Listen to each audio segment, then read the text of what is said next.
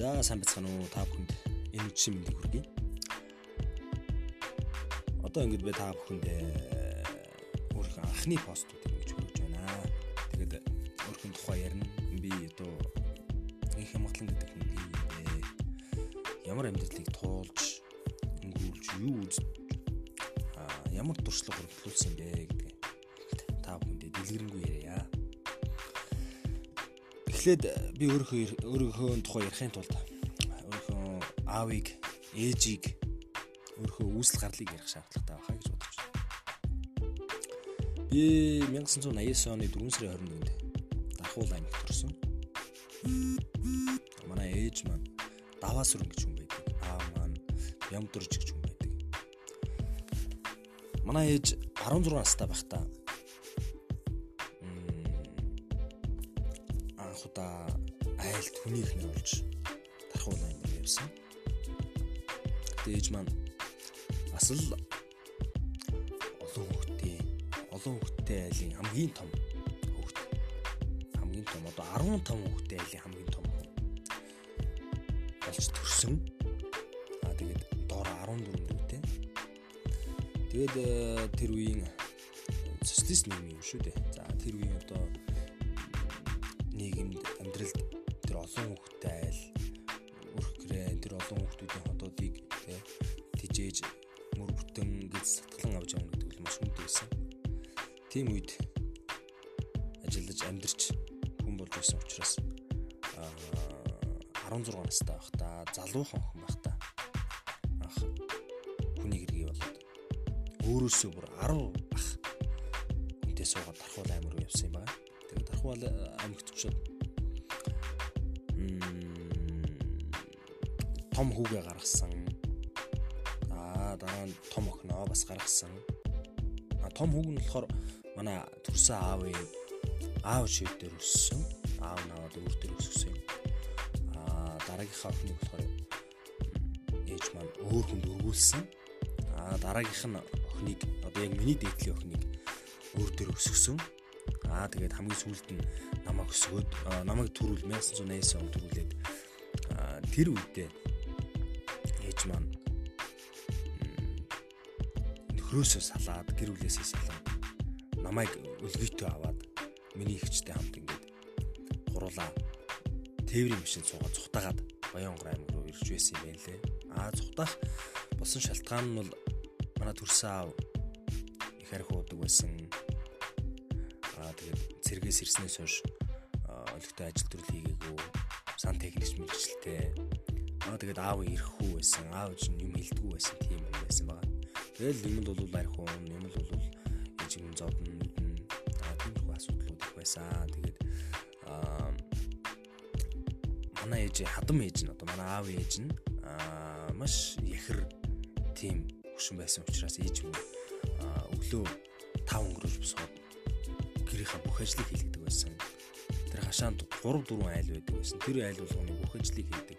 Бүхэл хар бор ажлыг хийдэг. Тэгээд дээр нь өдөр нь ажилдаа явдаг.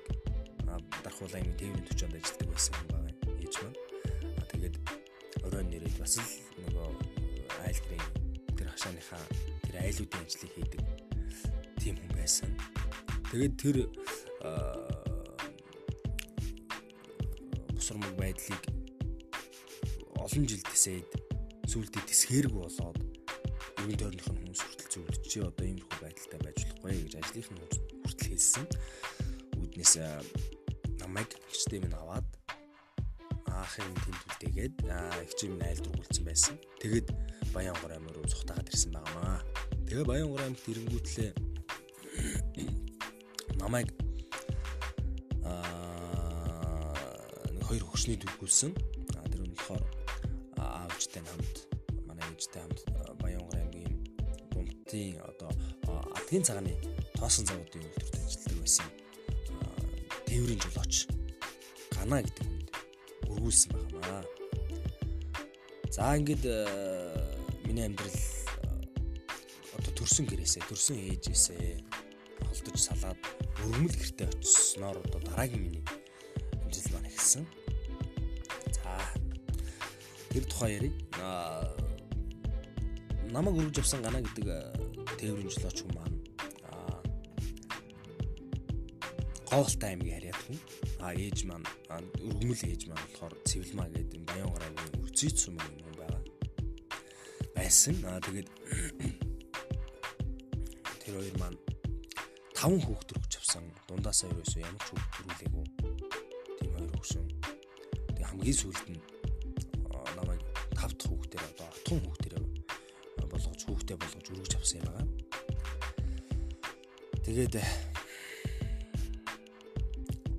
би гэдэг хүн тэр хоёр хөшнийг хүн болж хүмүүжиж өсөж төрсөн Баянгар аймагта. А тэр хоёр маань одоо тэр арчлалын шуурганаар тэр их өөрчлөлтийн үеэр мэдээж тэтгэвртэй гарсан их хэцүү үе байсан учраас тэтгэврэн тогтоох гэж уудсан тогтцоо хойно баг тэтгэвэр авдаг байсан. Ийм хүмүүс тэгэл тэтгэвртэй гараад амь зуухгүй гэж үсэн нэлээ юм намайг бас сургууль сургаад гэр бүлэрээ одоо Баянгар аймагт орон суустай байж байгаа. Тэрийгэ зараад тусдаа хашаа байшинд гараад байшингаа өөрсдийнхөө гараар бариад тэгж амьдарч байгаад аав маань төрсөн эмэгтэй хамгийн бага эмэгтэй дүн нөхөр нь асуурлаа гэдэг. Аа тэр хамгийн бага эмэгтэй дүн бас 9 хүүхэдтэй. Бас их олон хүүхэдтэй. Тэр үед одоо нийгмийн том илрэлтэй тэр үед одоо байсан гэр бүлүүд ер нь их их тийм олон хүүхдүүдтэй байдаг байсан. Тийм эмэгтэй дүүгэнд нь бид нэр үүр хангаа эмэгт шилжиж очсон. Нөхөр нь асуурсныхан дараа тусд юм бол юм. Тэгээ тэнд бүтэн жилийн хугацаатай амьдрахтаа тэднийхээ тааш тохирохгүй аа нүдүүс нь тохирохгүй таарахгүй зүйл их юм болсон. Тэгээд буцаад жилийн дараа ээж юм намаатан болох шүүхийн цэрэнгээд хөшний хашаанд буусан юм байна.